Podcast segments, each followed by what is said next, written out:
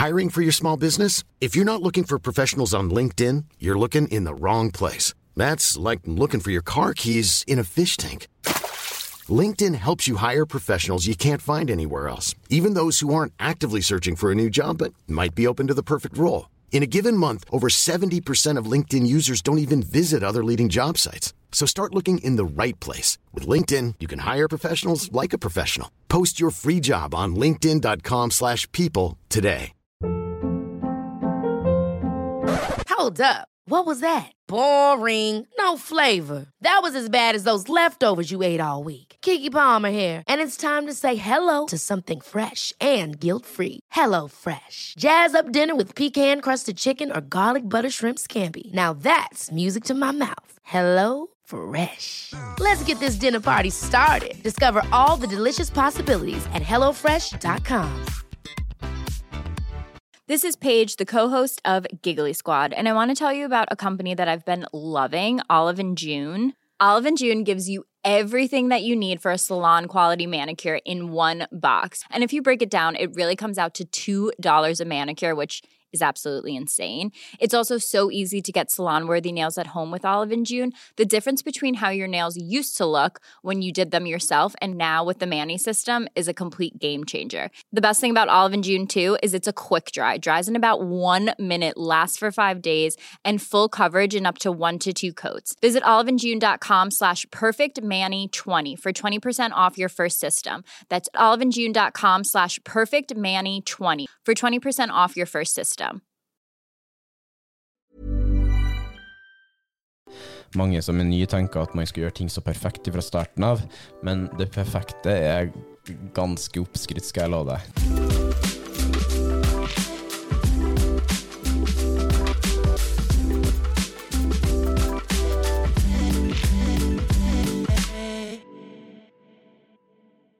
Hei og velkommen til treningsprat. Du hører på meg, Anders Muren. Også meg, Thomas Brun. Velkommen til podkast nok en gang. Ja, velkommen alle sammen. Er, ja, velkommen. Det er veldig viktig å si. Jeg føler vi, vi glemmer ofte å si. Vi må jo si det at vi har jo en eh, utvikling i eh, lyttere. eh, oppover, oppover, oppover. Og det går jo veldig fort oppover. sånn litt, litt flere lyttere nå enn det har vært på starten. Og jeg syns det er veldig hyggelig. Jeg må takke alle sammen som hører på, og takke alle som, som deler. Det setter vi veldig pris på. Ja, det er kjempegøy når folk bare sjekker innom i DMs-er på Instagram og deler litt sine erfaringer og sine målsetninger. Og det, det vil jeg gjerne se enda mer av, for det er helt fantastisk å bare kunne treningsprate med dere på Instagram og sosiale medier òg.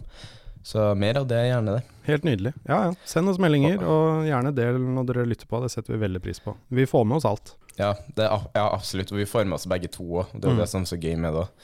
Og så jeg tenker jo egentlig det er en veldig sånn fin, eh, veldig fin intro til dagens episode. Nettopp. Ja. Vi skal jo snakke litt om sosiale medier.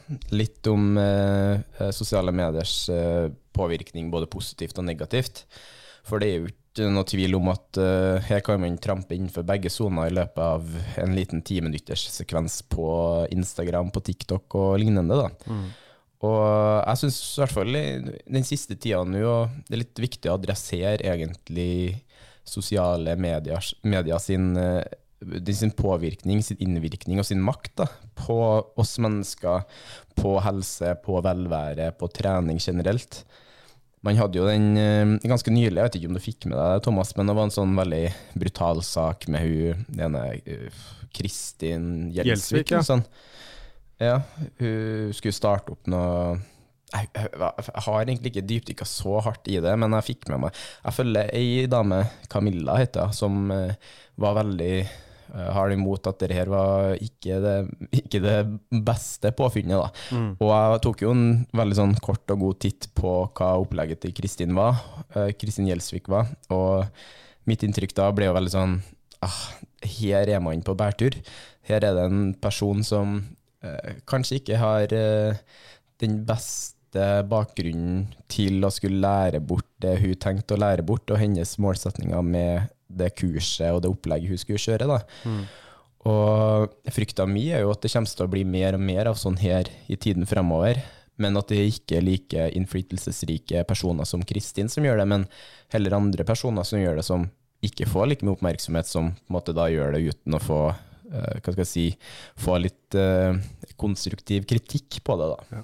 Det jeg tenker da, er at uh, det er jo uendelig mange profiler der ute som har uh, treningsprogram, som har kostholdsplan, som har matbøker, som har uh, bøker om trening, som har alle disse forskjellige typer tingene, og poster på sosiale medier hele tiden.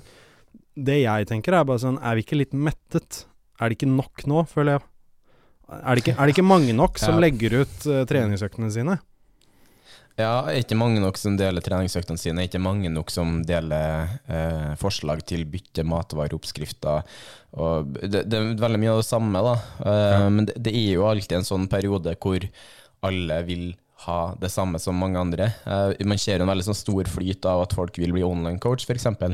Um, du har jo Alle starter opp en online coach-bedrift og kaller seg for uh, Anders Muren Coaching, f.eks. Navnet sitt, og så bare legger coaching bak. Ja. Og jeg, jeg syns det er veldig bra. Da. Jeg synes det er veldig sånn inspirerende å se at folk går den veien, for det, det er veldig viktig å skulle hjelpe folk med trening og kosthold. Men jeg frykter liksom at det kanskje er veldig mange som utnytter det, da, utnytte navnet sitt, kanskje ikke har den kompetansen står, som burde stå sentralt i bakgrunnen ja, for å starte opp sånn. da. Mange tror jeg kanskje har motivasjon for å skape en drømmejobb der man kan jobbe hjemmefra eller ta med seg jobben på ferie. For jeg ser veldig mange som legger ekstremt stor vekt på det, at å, nå er de i Dubai og coacher klientene sine. Nå er man i andre land og coacher klientene sine, og så er det som er fokuset. Da, da, Ja. sånn, da mitt første inntrykk at kanskje motivasjonen din for å være coach, for å være en treningsinspirator på sosiale medier, er litt feil. da. Hvis at det er den Dubai-turen og kunne skryte av den som er det viktigste. Ja, at du ønsker den fleksibiliteten som jobben kan gi deg, istedenfor Mm. altså hva motivasjonen for jobben er. Det kan være litt annerledes eh, for folk. Og det er som du sier, det må komme Mm. fra det rette, rette stedet. Og det er det samme innenfor fotografering, altså feltet som jeg jobber i. Du må først ha lidenskapen for fotografering eller produksjon eller hva det er du har lyst til å jobbe i. Og så må du tenke på alle de, den friheten og sånt etterpå, da. Men hvis Ja, du virkelig liker det du gjør, så spiller det egentlig ikke så mye rolle hva goder som kommer med. Du, du, det er liksom det siste du tenker på, da. Så hvis Mm, du mm. ønsker å bli en online-coach, så skal du på en måte akseptere at det er mye tid alene, men du liker jobben din såpass mye at du er villig til å ta den hverdagen, da. Og så den friheten og alt det Mm. der, det, det skal på en måte være litt sekundært, kanskje. Ja, og det er jeg helt enig i. For, for min del, nå har jeg jo jobba som online-coach i snart uh, åtte år, faktisk. Og i løpet av de åtte årene så har jeg vært minimalt ute på reiser og sånn og tatt meg med jobben. Men jeg har jo vært mye ute og reist. Men det viktigste for meg da har vært å ja, vært ute og reist, jeg har vært, på Oslo, vært til Oslo, jeg har vært på treningsturer og lignende, lignende, men alltid å prioritere den jobbsekvensen, da, og ikke legge så mye vekt på at oi, jeg reiser til verdens mest luksuriøse plass, og så er det i fokus, og så svarer man kundene sine sendt. For det er jo en sånn ting som veldig mange opplever, da, at man, okay, man får seg en coach, man gleder seg til det, og så har man en coach som ikke gir dem god nok svartid, da, på grunn av at man tjener inn penger og kan reise sånn som man sjøl føler for. Og da, det er liksom det som er den lille negative biten, da. At jeg tror mange bare glemmer litt eh, at når du får inn mennesker du jobber med, så skal du ivareta dem godt, du skal følge dem opp godt, du skal være til stede. Hvis ikke er ikke denne jobben her noe for eh, en person som bare tenker eh, bare det glamorøse, da. Ja. Um, og det er jo litt sånn Det har vært mye snakk nå om liksom, ja, skal egentlig online coaching bli en beskytta tittel, siden det ikke er det nå. Um, jeg personlig er jo litt sånn, litt sånn tenker Kanskje ikke en beskytta tittel, det er litt vanskelig å få til. Men jeg syns det er en veldig stor fordel å ha helsefaglig bakgrunn. Ja. Um, har man jobba innenfor helse, har man jobba med mennesker fra før av, så tenker jeg at det er noe man burde se litt imot og inn imot. Da. Og Det er jo en av grunnene til at jeg tar helsefag, på grunn av at jeg elsker å jobbe med mennesker. Jeg elsker å eh, hjelpe mennesker i alle ulike faser. Eh, og så elsker jeg i hvert fall å kombinere det med trening og kosthold da, samtidig. For at jeg, jeg personlig mener i hvert fall at fysisk aktivitet og ernæring generelt kan gjøre ganske mye med eh, veldig mye andre ting i livet her, da, hvis man gjør, har noen utfordringer. Da. Mm. Vi har jo pratet med bl.a. Uh, doktor Torkil Færøy om dette her det med hvor mye fysisk aktivitet og godt kosthold kan Hvor mange livsstilssykdommer og sånt det kan forhindre deg, da. Eh, så ja, det er jo eh, absolutt eh, noe som jo, flere, jo bedre, men som du sier, at det må være en viss altså motivasjon og inspirasjon til å starte med det. Må, det må komme fra riktig sted. Da. Intensjonen din må være riktig. Ja, og, og der igjen vil jeg jo slå et slag for dem som kanskje vurderer online coaching, da, som tenker at det er veien å gå, for å liksom investere i coaching. Da. Og da tenker jeg kanskje det første og beste man burde gjøre, da, er å se inn mot ja, i hvert fall sånn som jeg tenker, jeg ser veldig en styrke i å være i et team, da, og ha et team rundt seg. Uh, sånn som for min del, så jeg har ikke kunne forestilt meg en hverdag uten Strongbody og det tverrfaglige teamet rundt meg som jeg kan eh, prate med, diskutere med og få nye erfaringer og kompetanse fra. da. Ja, hva skal jeg si, man, man, man, må være litt sånn, velge ut sine folk. da. Kanskje ta en liten titt i feeden på dem man følger. og se etter om kanskje, står den personen for verdier som samsvarer med mine verdier, f.eks.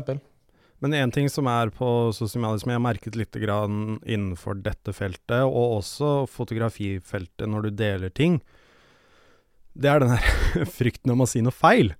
At du må, du må ja. kunne backe opp absolutt alt du sier. I hvert fall hvis du sier at det, er eh, basert Du må si hva, det, hva du baserer meningen din på først, i hvert fall. Hvis du sier sånn basert ja. på min egen erfaring, så vet jeg at dette funker, men hvis du sier at eh, Hvis du gir et fakta, da, og sier at sånn her er det, sånn her burde alle gjøre, så må du virkelig være helt sikker på at det du sier er riktig, og kunne backe det opp. Ja, og det, der føler kanskje mange, i hvert fall noen folk, da trår litt feil. da. Mm. Uh, jeg må være ærlig og si, si, at jeg har gått gjennom følgelista mi et par ganger og fjerna litt folk som jeg mener kanskje sprer litt ja, kanskje, ikke, det kanskje ikke direkte falsk informasjon, men som kanskje gir, som gir ut informasjonen på en litt sånn feilaktig måte, på en litt sånn skremselspropaganda. Da. Ja. Veldig mange syns det er viktig å vise fram eh, et veldig viktig sånn, veldig sånn fenomen nå, det er å liksom ha den røde kryss over og ikke gjøre de typiske feilene her. Ja. Og med en gang du begynner å se at folk fokuserer på å ikke gjøre det her som feil, det er typiske feil som folk gjør, da tror jeg det stimulerer til at man skaper bare enda mer frykt til å ha seg på trening, enda mer frykt til å uh, ha næringsrik mat i kjøleskapet, uh, ha næringsrik mat rundt seg. Um, Ganske nylig nå så fikk jeg jo uh, Fikk jo den meldinga fra en tidligere følger, da. Hun unfollower meg nå, heldigvis. Men hun mente jo at valnøtter, rosiner, havregryn, uh, gitt proteinyoghurt og polarbrød var veldig dårlige eksempler på uh, mat man burde ha uh, hjem. Da. Mm. At det ikke var ikke, det, det ikke er gode kilder å ha mat hjem. Og bare det, når du har folk som begynner å kommentere det, engasjere seg med det og skrive at det her er feil, så klart at kan det påvirke så man får ekstremt usikkerhet rundt seg. Hva skal man spise da, hvis man ikke kan spise havregryna si eller valnøttene sine, liksom? Hva er riktig da, spør nå jeg bare. Sånn, for min del er alt det riktige. Det som er veldig interessant, er at du kan finne et, en grunn til hvorfor havregryn da, for eksempel, er bra for deg. Du kan finne 18 grunner til hvorfor det er et bra måltid. Og så kan du finne 18 grunner til hvorfor det er noe du burde unngå. Og det jeg syns er interessant, da, er det fordi for liksom, kjæresten min er veganer. Så jeg vil liksom gjøre litt research rundt det versus da kjøttbasert eh, diett. Mm. Og du finner 100 svar til hvorfor du bare burde spise kjøtt, og så finner du 100 svar til hvorfor du burde være veganer.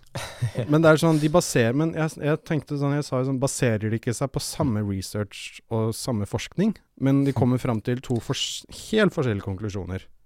Og det, og det er også sånne folk som sier sånn 'Dette burde du gjøre', eller 'dette burde du ikke gjøre'. Og rett ut. Mm. Så bare sånn Ja, men hvem er det du snakker til? Hvem er du? Hvem, hvem er personen du, får, du, du, du rekker ut til? Mm. Fordi alle reagerer forskjellig på forskjellig mat på forskjellige måter. Og alle trener forskjellig, og det er, det er, så utrolig individuelt, så du kan ikke liksom snakke generelt mm. med alle sammen. At alle burde uh, teipe munnen sin når de sover, f.eks. Ja, men det er ikke alle som burde det. Nei, det, er det, det er ikke nødvendigvis for absolutt alle sammen å gjøre det. Ja, det, det, er litt skremselspropagandaopplegget her. Jeg mener da, Det begynner å bli sånn kvelende nå, syns jeg i hvert fall. da mm. Hver gang jeg går inn på TikTok, i hvert fall, da, så dukker opp mye av liksom Ikke gjør ditten, ikke gjør datten. Gjør du det her, så får du det. Og så, det er mye sånn det Skremselspropagandaen er veldig skremmende å skulle holde på med. Og jeg følte at i en periode tidligere var det sånn at det ikke, uh, at det ikke var så mye av akkurat det. da, At man begynte å fase litt vekk ifra det. Man begynte å få mindre av folk som delte eh, hva skal jeg si, direkte skremselpropagandaer og skrive at ikke gjør ditten og datten og, osv. Men nå begynner den å komme litt tilbake, da, av at det skaper masse engasjement. Det skaper mange folk som kommenterer på eh, videoene, mange folk som eh, engasjerer seg på grunn av at noen er jo veldig enig og får en plass man føler tilhørighet. Og så har dem som er uenige, som vil si imot. Ja. Og det er jo synd at når man sier imot og sier fra at det her kanskje ikke er det beste å eh, fokusere på, så skaper det jo med en gang engasjement, som gjør igjen at sannsynligheten for at det fremmes til, fremmes til flere dukker opp. da. Mm. Og det er den derre Det jeg liker, da, er for eksempel eh, altså coach Gunnar, sjefen din som uh, driver Strongbody. Han har jo den spørrerunde hver dag, nesten. Ikke så mye nå, men Mm. en, en del, da. Og han sier jo det at uh, hvis han får et veldig komplisert spørsmål, så sier han det kan jeg ikke svare på før jeg har stilt deg veldig mange kontrollspørsmål. Ja, jeg må vite mer om situasjonen din før jeg kan gi deg et uh, ordentlig svar på det. Og det syns jeg er veldig fint av han, å si bare sånn rett ut bare sånn Dette er uh, Dette må jeg mer spesifikt inn og finne ut av. Ja, jeg er helt enig i det. at man, det, det beste svaret man kan gi i sånne situasjoner, er jo 'jeg vet ikke'.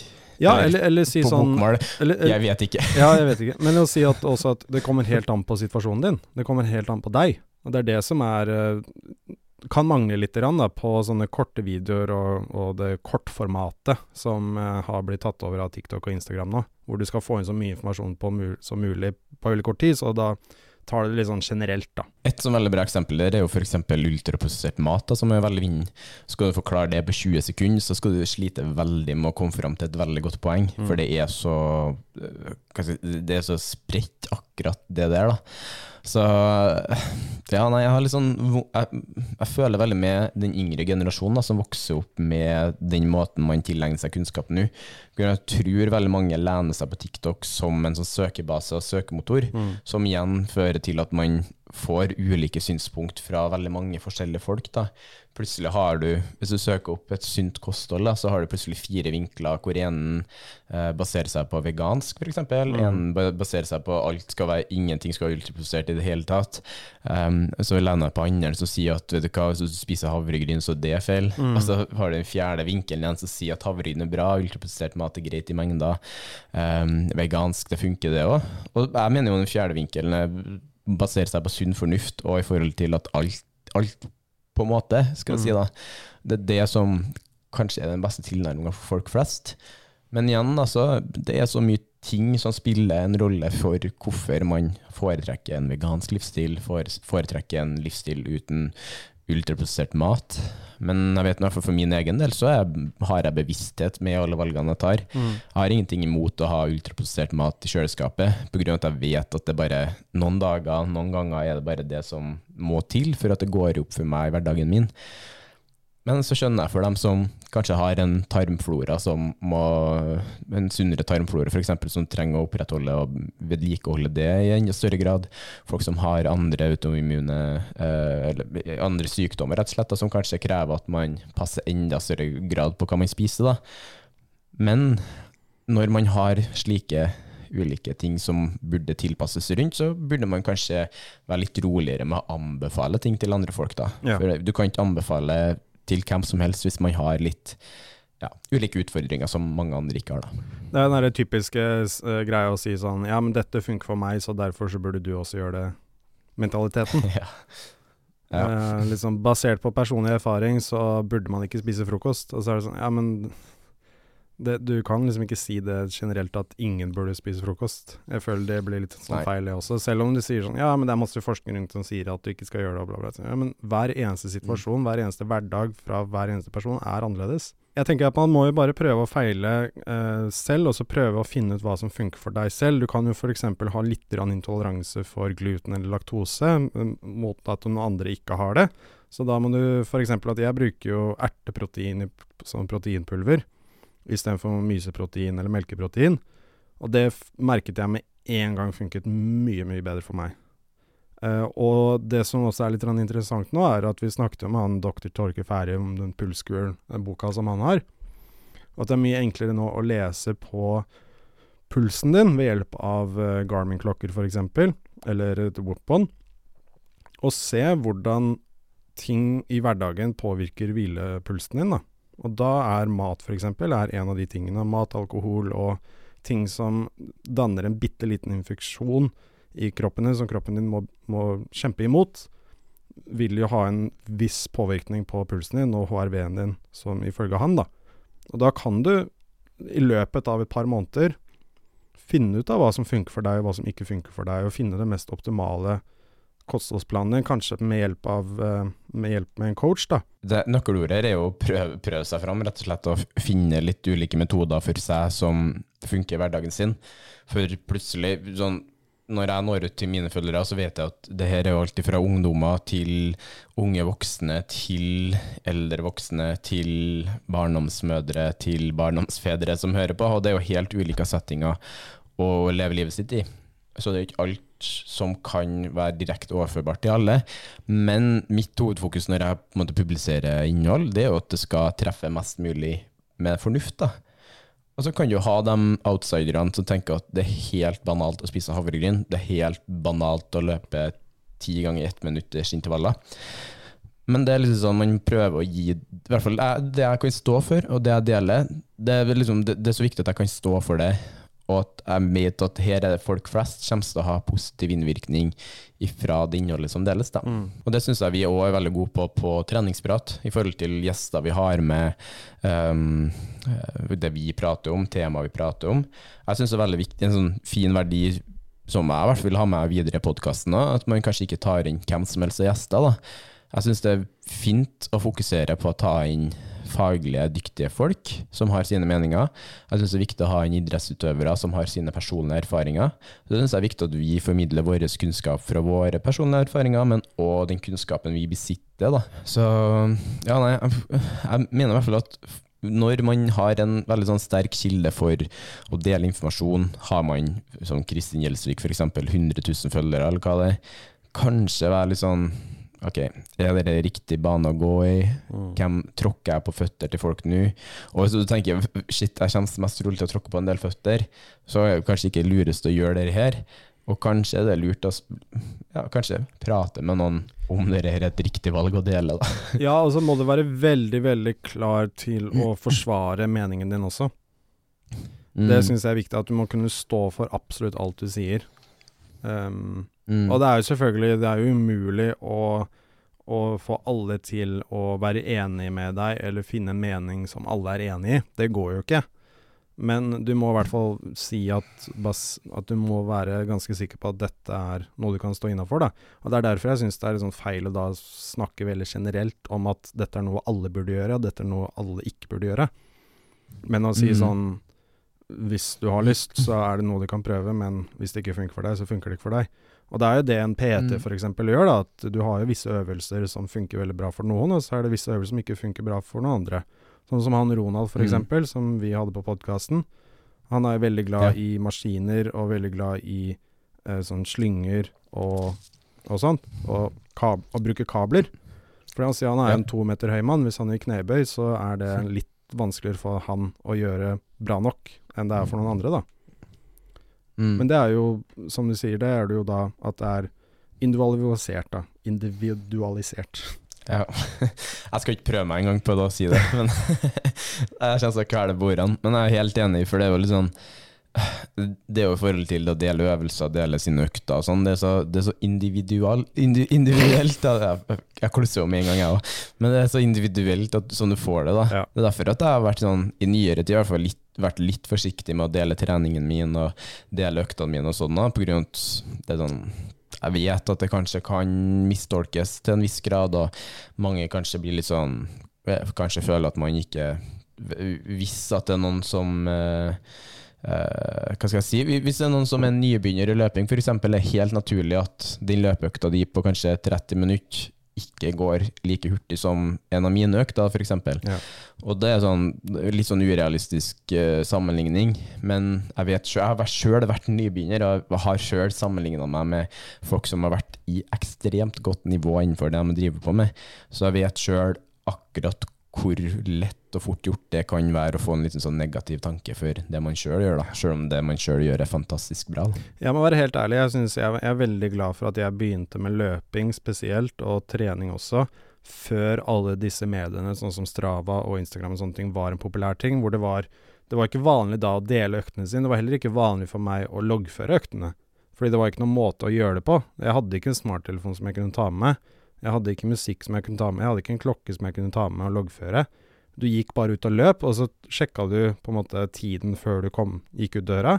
Og så sjekka du tiden når du kom hjem, og så var det sånn Å ja, da var jeg ute i 25 minutter ca. Ja. Så det, be- jeg begynte der, uten den der presset Mm. på at du burde løpe under seks kilomet- seks minutter per kilometer f.eks., og de tingene der. Bare sånn, du bare gikk ut og løp, og så når du var ferdig, så var du ferdig. Um, så jeg er veldig glad for at jeg begynte der, og det kan hende at det kan være en veldig fin måte for andre å begynne. At de bare skrur av alle sånne ting, og så fokuserer kun på å bli litt bedre selv, og komme opp til et nivå som, hvor de er stolte. Da. Eller det å komme seg ut og begynne i det hele tatt, er noe du burde være veldig stolt av. Men det kan være fint å, fint å fjerne alt det, alt det maset rundt, da. Ja, jeg er helt enig. Altså, jeg sjøl, når jeg coacher folk, så går jeg etter Jeg liker å kalle det for murens metode, da, for det er jo sånn som jeg sjøl har drevet på. Det at jeg startet med Når vi skulle starte med løping, da finne løpeglede, f.eks., så starter jeg løpeøktene mine med å bare løpe. Bare ta en runde, da, en runde jeg var kjent med, og så sammenligne følelsen min på den runden. Og så etter hvert, altså gikk det noen år, så ble jeg litt sånn kjent med en, en uh, løpe Sånn du loggførte løpinga di på, så begynte jeg å loggføre rundene mine. Uh, uten å, Jeg hadde jo ikke peiling på hva tallene betydde, men jeg begynte å liksom se en sånn tendens, da. Og begynte å begyn- følge med litt, litt mer på det, og få litt mer kunnskap om det. For nå at det er enda mer uh, veldig sånn presist i forhold til tempo, puls osv. osv. Men det som er hovedhensikten med murens metode, da, det er at man har en trappetrinnmodellen hvor man starter i det små, får med seg erfaringer, gjerne positive erfaringer, før man bygger litt og litt på hele tiden. For det kan være veldig sånn overkill å skulle gjøre alt på en samme gang, få alt av inntrykk på seg, få press fra sosiale medier, få press fra Strava, få press fra eh, sine egne prestasjoner. For nå er det jo sånn her i hverdagen at man har både dårlige og gode dager. Og den dårlige dagen, hvis du kommer deg ut på trening da, den er kanskje ikke like god som de gode dagene, men det er enda viktigere å bare komme seg ut og gjøre noe av de dårlige dagene. Bare for å holde på en vane, holde på en rutine og holde på en kontinuitet. da. Absolutt. Jeg har jo ikke noe klokke for øyeblikket, f.eks. For eksempel. eh, fordi eh, den, eh, den jeg fikk av tilbake fra XXL, den funka ikke, så da måtte jeg sende inn til Garmin igjen. Så jeg venter fortsatt. Så jeg har vært et par uker nå uten klokke.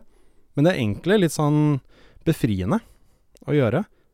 Fordi jeg da har jeg ikke noe pulsbelte, ingenting, og da jogger jeg egentlig bare litt sånn på følelse. Og så bruker jeg, pleier liksom å puste litt gjennom nesa. Jeg merker at hvis jeg skal holde et rolig tempo, og jeg ikke klarer å puste gjennom nesa, så løper jeg kanskje litt for fort, da. Da må jeg roe ned lite grann. Men uh, sånn tid og sånne ting, det er liksom ikke så farlig. Da tar jeg liksom en runde der jeg føler for det, og så tar jeg litt pause hvis jeg føler for det også. Jeg hadde faktisk ei uke etter, eh, etter eh, konkurransen min i Nederland, da klokka bare streika. Og det var så godt, det. Jeg bare tok med meg tok med Sala, altså hunden, ut på løpetur og bare sprang liksom, og Ja. kosa meg og ikke tenkte så mye over tida og sånn. Bare estimert i forhold til kjennskap rundt hvor lang tid jeg bruker på en lignende runde ellers. Og det, det må jeg si var veldig godt. Å bare ikke tenke på å skulle ta den typiske titten i klokka som veldig mange gjør. da. Og det er jo sånn, det er hvert fall når man løper i mål i et event, så har jeg jo fått med meg at det, det er mange som kanskje ødelegge et glansbilde av å se ned i klokka når vi kommer i mål. da.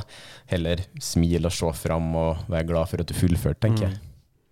Nei, det er Mm. veldig befriende egentlig å bare ta et par turer en gang iblant uten å klokke eller telefon, eller, eller å løpe naken, da, som man kaller det. Hvor du ikke har noe Mm, form ja. for GPS med deg. Ikke bokstavelig talt. Nei, ikke men, bokstavelig ja, talt, uten men, eh. Uten noe som helst, bare ta Ja. seg en tur. Og det kan være veldig befriende ganger. Jeg har jo inntrykk av at jo mer nybegynner man er, jo mer nyere men man er til trening, jo mer urealistisk er det å skulle frigjøre seg fra klokka osv. Mange som er nye, tenker at man skal gjøre ting så perfekt fra starten av, men det perfekte er ganske oppskrytt, skal jeg love deg. Det, det, det er mange treningsøkter der jeg har vært ute på sykkel, f.eks., hvor jeg bare kasta meg ut på sykkelen, så ja, det, det får bare være. Jeg, jeg skal ha en rolig tur, jeg skal kose meg, jeg skal ikke tenke over tempoet mitt noe spesielt. Det har vært veldig mange svømmeøkter jeg hadde, hvor jeg bare hadde med meg et papirark på svøm, i, til svømmehallen og ikke loggført klokka i hele tatt, og bare følt litt på driven. Og det er som regel ekstremt gode økter, hvor jeg bare koser meg litt med det og får litt sånn ja, glimt tilbake til når jeg først starta. Mm. Der ting var litt, litt mer forenkla.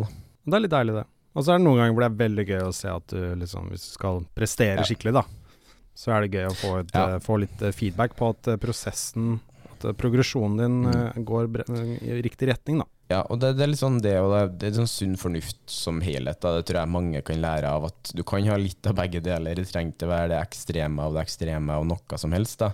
Du kan få inn litt av begge deler og nyte det. Da. Og det, jeg, jeg tror hvis man klarer å innta en sånn type holdning i hverdagen generelt, ikke bare mot trening og kosthold, men hvis man klarer det, så kommer man seg ganske langt, altså. Slipper man det presset om å dele Kanskje slipper man å få på seg skader pga. at man løper litt fortere enn hva man egentlig er kapabel til. Man trener med vekter som er, litt mer holdbar for teknikken man har. Så slipper man å sammenligne seg altfor mye, da. Vi kan, jo, vi kan jo gjøre en ja. liten sånn utfordring, det kom jeg på nå, som jeg vet ikke helt hvor gjennomtenkt det er. Men folk har jo sånn hvit måned, f.eks., hvor de ikke drikker alkohol på en måned. Hva hvis Mm. man har en sånn type sånn offline-måned, hvor du ikke loggfører Du kan jo skrive ned på for din egen hånd, men du deler ingenting av Mm. treningen du gjør, på noe som helst måte i en hel måned. Og så se hvor befriende det Mm. kan være, da. Ja, og sånn spesielt da inn mot uh, uh, trening generelt, bare komme seg ut og gjøre noe, og så skrive ned etterpå hvordan det føles. Ja. Og en ting jeg liker å gjøre da, du fortsetter å ha på klokka, start økta og sånn, men bare vær bevisst på å ikke se på klokka, bare Mm. ikke ha den på helt hele tatt. Sammenlign notatene dine med det klokka kanskje viser i etterkant, og så går det overens, så viser jo Og mest trolig så går det overens òg. En intervall som føles hard, er mest trolig hard på klokka. Så går det overens, så er jo det bare supert. Da har jo din måte, tolkning av hvordan økta er, vært like god som klokka. Og det kommer man langt med. Og det er det viktigste, tenker jeg. At du føler selv at uh, du gjør det bra, og du gjør det bedre over lengre tid. Ja. Hvis du gjør det, så så gjør du noe riktig, tenker jeg. Ja, absolutt. Altså, I hvert fall så du føler på det i hverdagen generelt òg, da. Jeg vet jo den, i coachingverdenen min med mange kunder når jeg coacher, så er det mange som kanskje henger seg litt opp i centimetermål og vektnedgang, da, hvis at det er målsettinga deres. da. Og så hvis at vekta ikke går nedover og centimeteren kanskje er stille en uke, eller sånn, så er det så mange som da skriver fort at det var en negativ uke. Mm. Men så skrev de så sykt mye positivt i forhold til gode treningsøkter, bra drive på middagen de har laga med familien. Bare generelt gode tolkninger av hverdagen generelt. Og da syns jeg det så synd at man liksom lar et par tall i forhold til vekt og centimeter liksom ødelegge, da. Mm. Så da bruker jeg alltid å oppfordre til hva? Vi må gi litt blaffen i akkurat de tallene her og nå, for det er så sykt mye andre bra ting å peke på som vi burde ha fokus på. Så det er jo en litt sånn Ja, man skal kanskje se litt bort fra tall og sånn på trening en gang iblant, men man burde i hvert fall gjøre det i forhold til kroppsmål og lignende.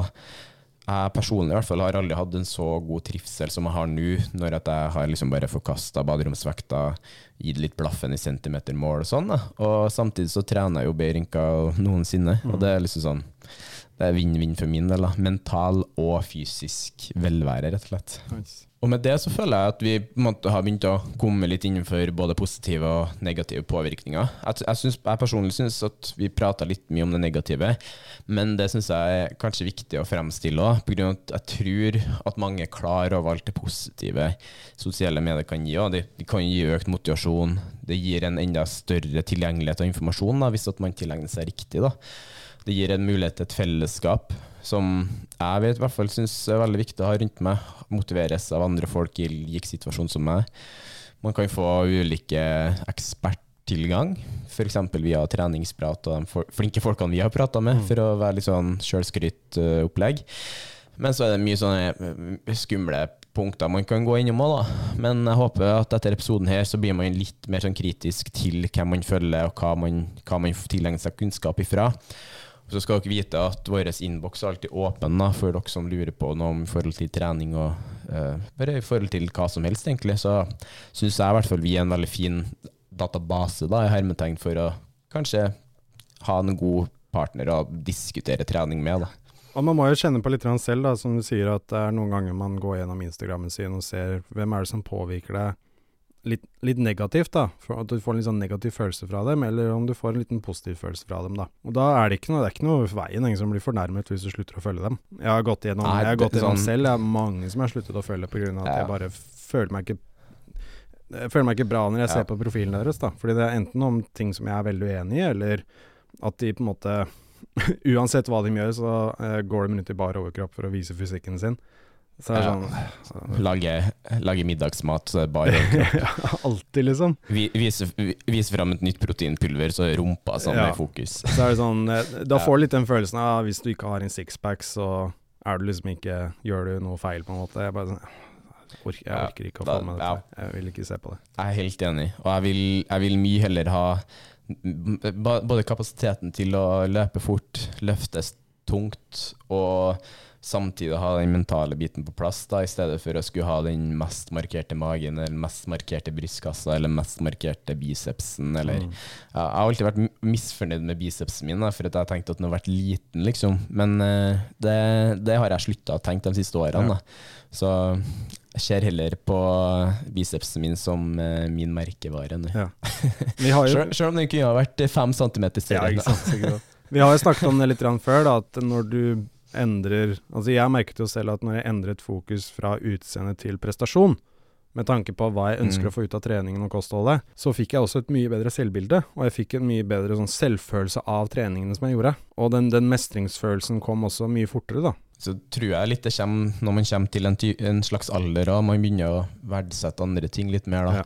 Jeg bruker alltid å si det at i hvert fall nå etter jeg fikk eh, Hanna i mitt liv, da, så har jeg følt mye mer på hva som faktisk er viktig, og hva som ikke er så viktig. Da. Og da liksom har det begynt å gått opp mye mer for meg da, at det er ikke så viktig alltid da, at kroppen skal være den mest markerte i feltet, liksom. Det, den er viktigere for meg at jeg springer mål og har noen å klemme etterpå, liksom. Ja. Mm. Absolutt. Jeg Helt Så det enig. syns jeg er litt sånn fin, fin avrunding. Jeg håper andre folk òg tenker det. Altså hvis at du, hvis at du føler, føler at du er uenig med noe du sier, eller hvis du er enig, og bare skriv med oss, Mm. så kan vi diskutere litt, da. For vi, vi er åpne for innspill, og vi syns det er viktig at hvis folk er uenig med det vi sier, eller det innholdet vi lager, at man bare sier fra om det. For det er jo vår måte å vokse på. Og det er vår måte å bli enda bedre på, og gi ut best mulig episoder på. Absolutt. Og Hvis dere har noen forslag også, med tanke på hva vi skal lage episoder om i fremtiden, så skriv gjerne det også. Det Mm. setter vi pris på. Ja, Virkelig. Men uh, nå, takk for at du hørte på. Og uh, håper dere lytter til oss og neste tirsdag og tirsdagen etter det, og, så og så videre. Ehm, så håper jeg vi stay in tune, at dere prater med oss videre. Yes. Ha det bra. Ha det bra.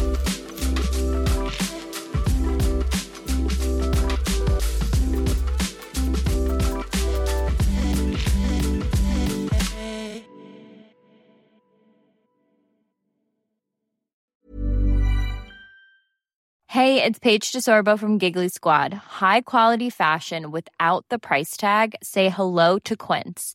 I'm snagging high-end essentials like cozy cashmere sweaters, sleek leather jackets, fine jewelry, and so much more. With Quince being 50 to 80% less than similar brands.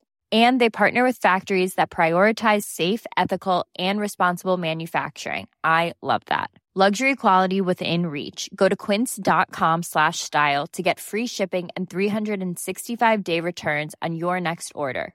Quince.com slash style. Hey, it's Paige DeSorbo from Giggly Squad. High quality fashion without the price tag. Say hello to Quince. I'm snagging high-end essentials like cozy cashmere sweaters, sleek leather jackets, fine jewelry, and so much more. With Quince being 50 to 80% less than similar brands. And they partner with factories that prioritize safe, ethical, and responsible manufacturing. I love that. Luxury quality within reach. Go to quince.com slash style to get free shipping and 365 day returns on your next order. Quince.com slash style. Mom deserves the best, and there's no better place to shop for Mother's Day than Whole Foods Market. They're your destination for unbeatable savings, from premium gifts to show-stopping flowers and irresistible desserts. Start by saving 33% with Prime on all body care and candles. Then get a 15-stem bunch of tulips for just $9.99 each with Prime. Round out Mom's menu with festive rosé, irresistible berry chantilly cake, and more special treats. Come celebrate Mother's Day at Whole Foods Market